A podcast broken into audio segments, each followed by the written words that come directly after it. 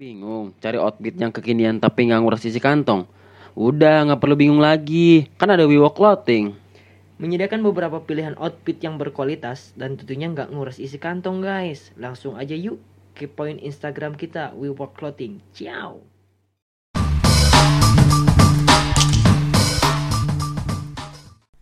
Halo, welcome back to pertigaan. Kembali lagi ngalor ngidur bareng kita. Tentunya sama gue Aldi.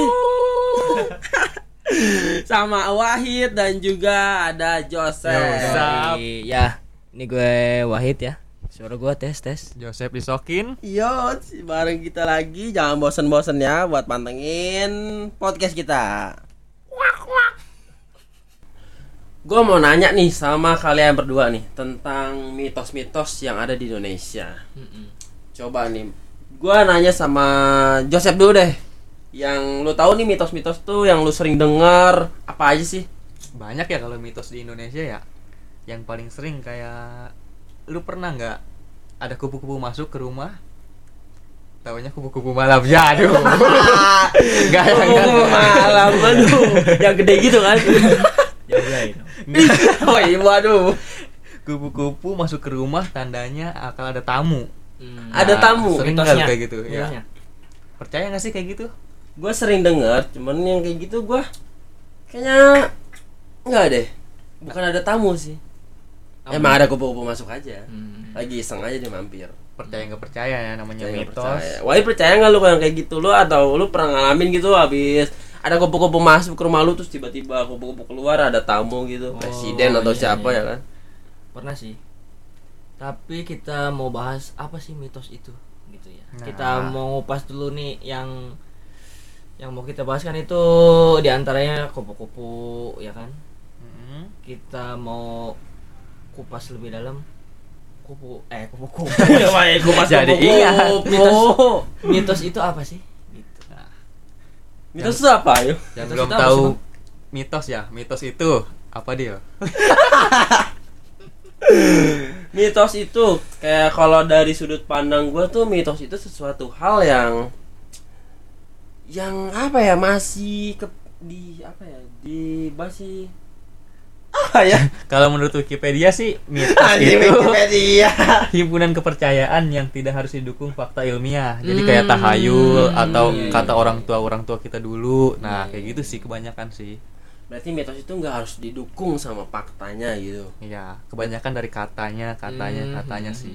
Turun menurun dong katanya katanya Nah katanya jadi yang mau gua bahas di sini sih percaya apa nggak percaya sih Oh. sama pengalaman pengalaman lu pada sama mitos-mitos ini gitu. Oke.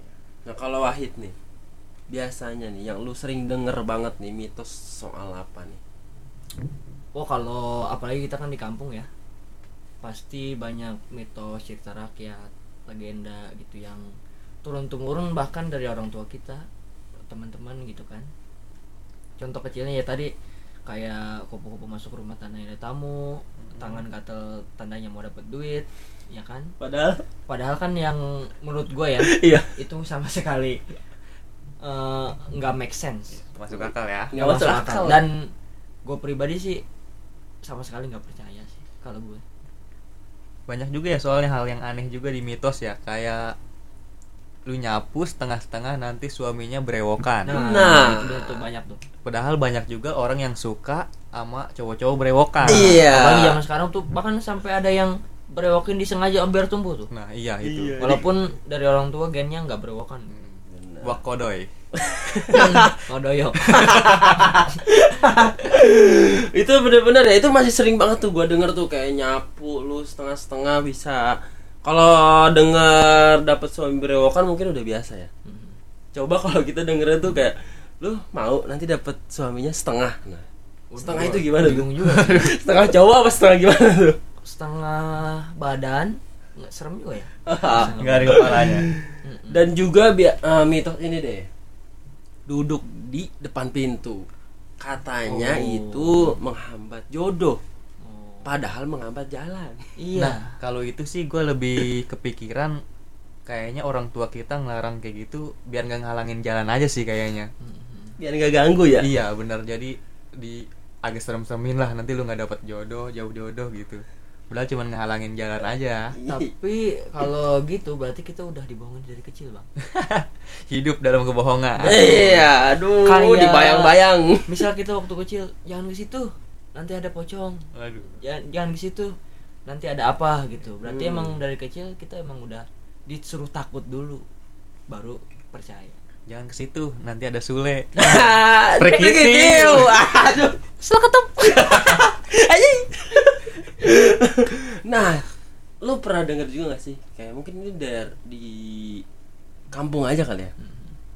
Setiap maghrib kalau ada burung gue sih biasanya manggilnya burung wik wik ya. Nggak tahu tuh burung apa tuh kalau Indonesia kalau nya sejenisnya ya. Iya.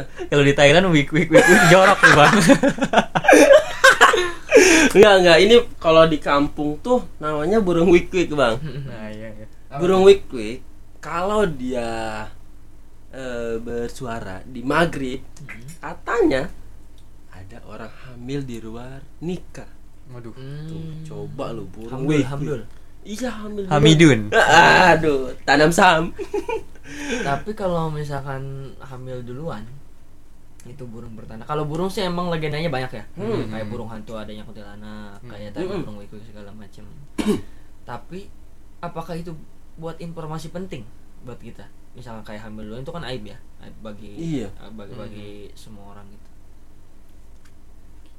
Tapi kalau ngomongin burung ya, kok gua kok lebih gimana gitu ngomong ngomongin burung ya emang serem sih kalau burung-burung kayak gitu ya. Banyak mitos-mitos soal burung kayak gitu. Gosip-gosip. Kayak sekarang banyak gitu burung burung warna biru itu banyak gosip tuh. apa burung warna biru? Twitter. Ah, aduh Oh, kalau itu panas tiap hari bang Wah, itu. eh eh pak kok pada setiap hari tubir. Ribut tiap hari bang dan juga ada nih kalau misalkan ayam jantan Berkokok. biasanya berkokoknya itu kan pagi oh iya iya. Hmm. kalau sore atau malam mitosnya Hmm. katanya dia bakal adain wabah penyakit. Lu percaya nggak tuh sama yang kayak gitu? Nah kalau itu gua enggak sih. Soalnya gua kalau ada ayam berkokok tengah malam Atau habis maghrib gitu Mikirnya kayak bertelur Atau kawin. Itu bisa jadi ya? Atau kawin digerebek orang lain Kan nggak tahu kita. Di arak warga. Nah. iya. Terus burung gagak deh. Iya. Hamil luar nikah. Plot twist Aduh, bisa bisa bisa. tapi bang kalau ayam berkokok ya Hmm.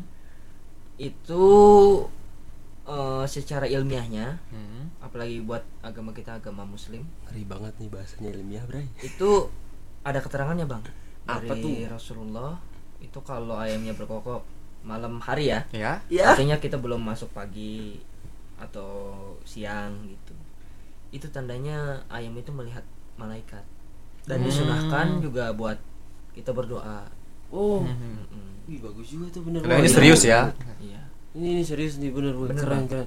Jadi kalau misalkan ayam berkokok di sore hari ya? di malam hari Oh, di malam hari. Mm.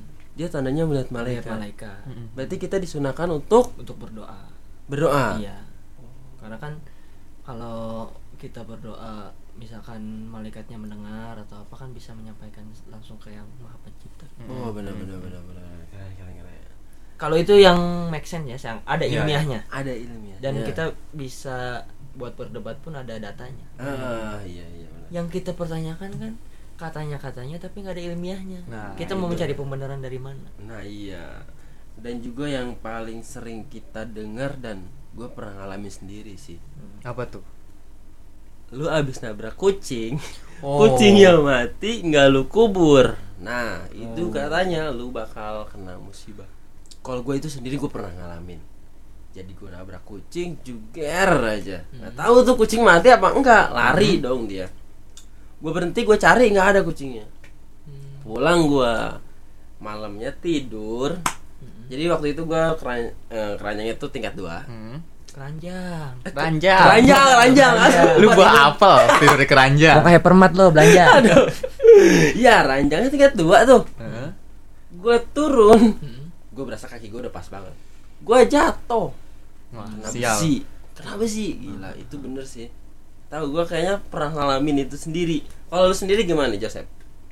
Kalau masalah kucing kayak gitu ya Selain mitos Lebih ke rasa kemanusiaan sih bang Masa lu abis Hmm. nabrak mati Dibiarin aja gitu ya kan bener bener bener benar juga sih soalnya kan eh, menurut gua sih nggak harus kucing aja yang harus diurusin ya. Hmm, semuanya. kayak rasa tanggung jawab kita lah sama makhluk hidup maupun itu ayam apalagi ayam ya ayam kan kadang personal orang Iya. punya gitu Benar, Karena, benar, benar. karena semua temen Tarsan ya. betul Bener, bener juga sih tapi kalau ya? kucing emang kayak makhluk eh kayak makhluk kayak hewan istimewa gitu paling paling Iya bener ya. kalau di ya maupun agama mana pun ya Hmm. kayak kucing di rumah banyak Hmm. walaupun itu asal usulnya dari mana kita nggak tahu dia hamilnya di mana nggak tahu ya kan Tapi katanya nih, kalau lu lagi lagi misalkan ada di di mana gitu terus tiba-tiba kucing tuh datang kalau ngegelendotin lu, katanya itu lu tandanya orang baik. Oh, Hmm. iya iya. nggak tahu tuh Kalau gue pernah di gitu sih dideketin sama kucing gitu, tapi Pacarin. gesek-gesek sih, Bir, birahi sih kucing itu sih. Aduh, gila kucing bisa birahi ke lu juga ya? Agak high class dia katanya bosan sama kucing, mau sama manusia. tapi kalau dari eh, kalau bisa dikaitkan dengan agama soal kucing gitu yang kita anggap ya istimewa lah dibandingkan hewan-hewan lain maksudnya dalam istimewa kita nggak boleh nyiram Hmm. nggak Hmm. boleh dengan perlakuan yang kasar lah karena Rasulullah pun punya kucing Peliharaannya ya. Iya, Oh, iya. yang namanya Mueza namanya tuh kalau kalau kita sekarang sih mungkin kucingnya kucing Persia Anggora. kucing Anggora paling disayang sampai Rasulullah pun sampai di kucingnya lagi tidur di bawah di bawah eh, pakaian dia gitu di jubah itu sampai Rasulullah potong kainnya saking nggak mau mengganggu si kucing itu Oh, jadi biar nggak bangun Biar kucingnya. bangun. Oh, Luar biasa. Allah, benar, benar, benar. Dan nih, lu juga sering dengar nggak nih? Lu kalau duduk di atas bantal, Bisulan. nanti bisulan. Aduh. Oh. Pantat lu. Mm-mm. Karena itu bukan buat didudukin, itu tuh buat ditidurin. Nah, itu sih nggak percaya sih gue ya banget. Nggak percaya? Mungkin awalnya karena ibu-ibu kali ya. Iya. Ada bantal mau tidur. Oh, nah, enggak. didudukin sama anaknya. oh Jadi kayak kayak- lebih kayak nyari alasan dong kayak iya, gitu. mah. banyak kan sih kayak gitu menurut gue ya. Tapi emang nggak pantas juga sih yang Mm-mm. namanya buat kepala kita dudukin gitu ya. Yang nggak seharusnya gitu, Bang. Betul. Kayak duduk di meja nanti punya banyak hutang Mm-mm. gitu ya kan. terus nggak sopan juga sih Hmm. Banyak banyak utang itu mah emang orangnya Padahal demen orang utang yang aja. main slot. Aduh iya iya. Pinjol pinjol. tapi ada kita bahas eh, mitos-mitos ini bukan sekedar buat ngebahas aja ya maksudnya Mhm. ada sisi positif ya. Hmm. ada sisi yang nggak make sense Mm-mm. tapi ada juga yang nggak make sense tapi buat positif gitu Benar. Nih. Dan ada juga nih Kat. Biasanya kan katanya tuh potong kuku tuh bagusnya hari Jumat. oh Ya bener nggak? Terus pamali itu kalau malam-malam itu katanya bisa mengundang makhluk halus. Lo percaya nggak? Kalau gunting kuku ya, Iya. bagusnya hari Jumat. Kalau gua sih lebih Sunnah Rasul kali Nah, itu, mah. masuk akalnya Heeh. karena mau sholat Jumat kan harus bersih gitu. Benar benar benar. Memotong kuku, iya motong apa lagi sih? Bang? Asal jangan motong anggaran anak yatim. kan nggak boleh. Aduh. Pesan moral ya itu. Idi, mau motong, mau motong, mau motong, mau motong, masuk. Kalau emang motong kuku yang katanya nggak boleh malam ya Nggak boleh malam katanya itu terus pamali. bagusnya juga hari Jumat Mm-mm. kalau menurut gue sih ya sah-sah aja sih apalagi kalau dalam agama muslim tuh kalau hari Jumat ya hari istimewa ya Lebarannya. raja dari segala hari gitu Lebarannya apa? Lebarannya anak yatim. Oh iya. Woi, Aduh. Gimana? Astagfirullahaladzim La wala quwata billah. Maaf Yosef uh, mualaf Bapaknya Ustaz tapi. oh iya bang, ada mitos yang paling lucu nih pas zaman SD. Kalau lu pakai pensil, pensil lu kecil nih, di bawah ukuran kelingking. Katanya nanti orang tua lu bakal meninggal. Nah, gimana Nah, tuh? wow itu gue sering banget tuh. Waktu SD gue sering banget denger Iya, kayak iya, gitu dan ya namanya juga masih kecil ya kan. Percaya aja gitu. Jadi udah kayak udah kurang dari kelingking gue buang gue buang aja. Tahunya mah diambil lagi sama orang. Nah itu lucu kali kalau orang anak gitu yang benci sama orang tuanya kali. ya. Wah, Dia beli pensil diserut terus sampai bawa kelingking tuh. biar mati Wah, dark jokes yang ada. yatim yatim yatim yatim boh gila ngeri banget tuh Parah sih. Kayaknya gua nggak lanjut deh kalau mati-matian orang tua. Banyak ya mitos-mitos zaman SD lucu-lucu tau. bener-bener itu waktu kecil kita banyak banget yang kayak gitu terus kalau kita lagi main nih biasanya kan kita main tuh suka nggak gitu waktu ya Ya. Main bola tuh kita eh peluit udahannya tuh Azan azan maghrib. maghrib. Oh, iya, betul, betul. Ya betul kan? Iya. Terus eh, katanya kalau lu keluar pas lagi azan maghrib itu pamali. Oh, kalau itu sih menurut gue bener ya. Bener dalam arti soalnya maghrib itu Waktunya. waktunya Ibadah. ibadah pertama Iya. kayak penutup hari. Pergantian ya dari Pergantian. pagi ke malam. Mm-mm. Ya harusnya sholat lu masih main bola kan nggak boleh. Iya. Iya benar. Tapi emang cerita masa kecil tuh emang bener ya. Iya, Soal banyak, banyak, eh, main bola eh, peluit akhirnya azan maghrib gitu. Siapa yang paling gemuk jadi kiper. Kalau yang punya bolanya udah Harus pulang. main terus ya. Kalau yang punyanya eh, yang punya bola udah pulang udah. Udah, iya. bisa main udah. lagi. Gawangnya pakai sendal ya kan. Tapi yang kita titik beratkan tadi soal apa?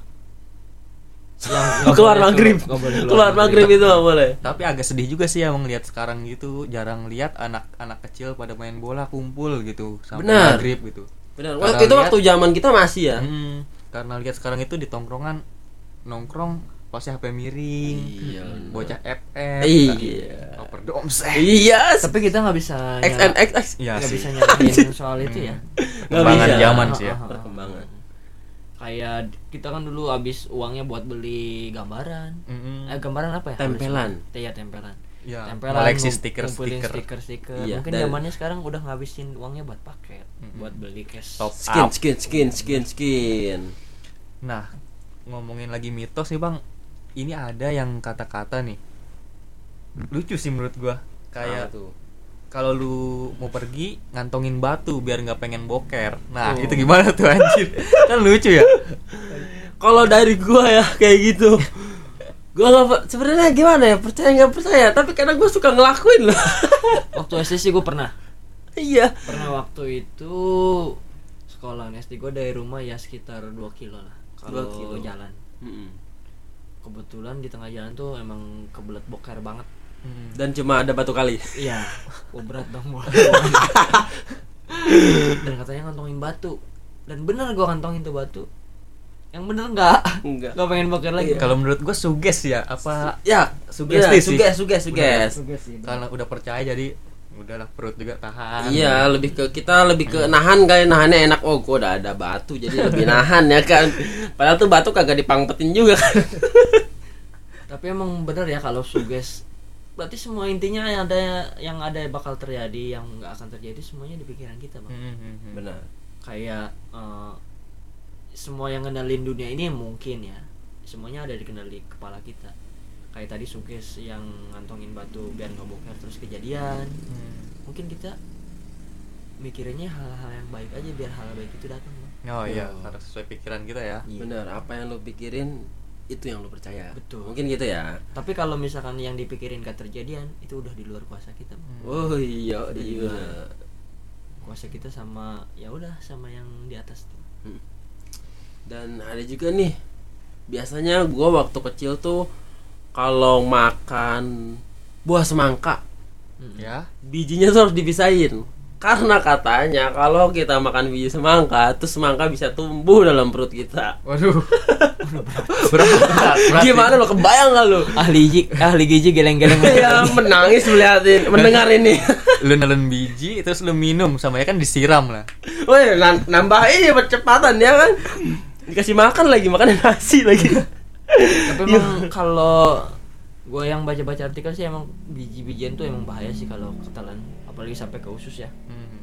bisa ya mungkin eh, apa sih namanya usus buntu Paling bahaya sih biji itu karambol ya. Kalau ditelan sih bahaya sih. Biasanya nyangkut di tenggorokan.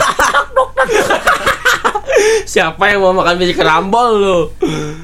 Ada lagi kalau ini, lu pernah nggak dibilang sama orang tua lu kalau makan dihabisin nasinya nanti kalau ada nasi yang disisa nasinya nangis. Nah, uh, coba. Kalau gua gua sering sih dibilang kayak gitu. Sebenarnya itu biar kita habis aja makannya. Biar kita habis makannya nggak nyisain. Cuman pesannya itu pesan moralnya sih ya kita harusnya emang harus ngabisin apa yang kita makan. Yang karena kita ambil. yang kita ambil. Di luar sana belum tentu orang bisa makan kayak kita. Iya, kalau kita eh kalau kita. Kita aja kali. candaan tahun 2000 ya baru banget tuh baru. Iya. Kalau gue sih kalau yang tadi makan harus dihabisin dan nasinya Hmm. bakalan nangis. Setelah dewasa baru sadar. Ternyata na- nyari nasi itu susah bang. Eh Hmm. nyari nasi nyari, Nyari uang, du- dan buat na- jadi nasi. Nah itu mungkin ya. Iya jadi kita makannya itu pas makan sudah dewasa ingat pesan orang tua harus dihabisin mungkin Hmm. itu tadi benar kata pesan bang Kudil bang Kudil bang Madit ada di Syawaro Aduh.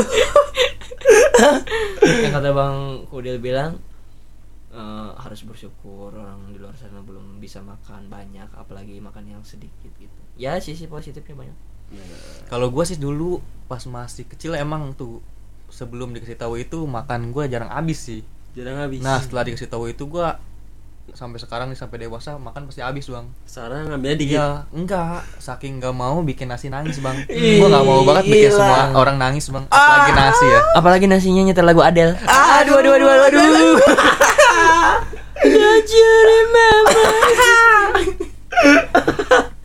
lo gila lo nasi aja nggak dibikin nangis Parah Joseph banget itu. Joseph ya. Dia ke nasi aja nggak buat nangis bang. Iya, Gimana Apalagi caranya? bapakmu. ya. Apalagi bapakmu bang. Tolong dengarkan wahai kaum hawa. waduh. Ada juga nih. Tapi kita belum ngerasain ya karena kita masih bujangan nih. Hmm.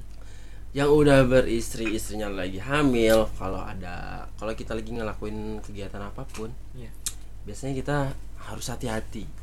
Apalagi kalau soal gunting menggunting katanya itu harus nggak boleh lah. Harus dihindari sebenarnya sih. Lo percaya nggak soal itu? Katanya kan kalau kayak gitu kan nanti kalau kita sembarangan lahirnya susah Hmm. atau gimana Tapi sorry deal, itu bujangan itu kayaknya buat ibu-ibu deh. Soalnya kalau buat bapak-bapak kan lo tahu sendiri. Jawab aja. Bangsa. Gua nggak konek. nungguin nungguin Jawabannya pajangan ya anjing. Nungguin ya. iya balik balik Bangsat ya. minta dijawab orangnya iya ulangi lagi dong Tapi kalau soal gimana, tadi gimana? apa?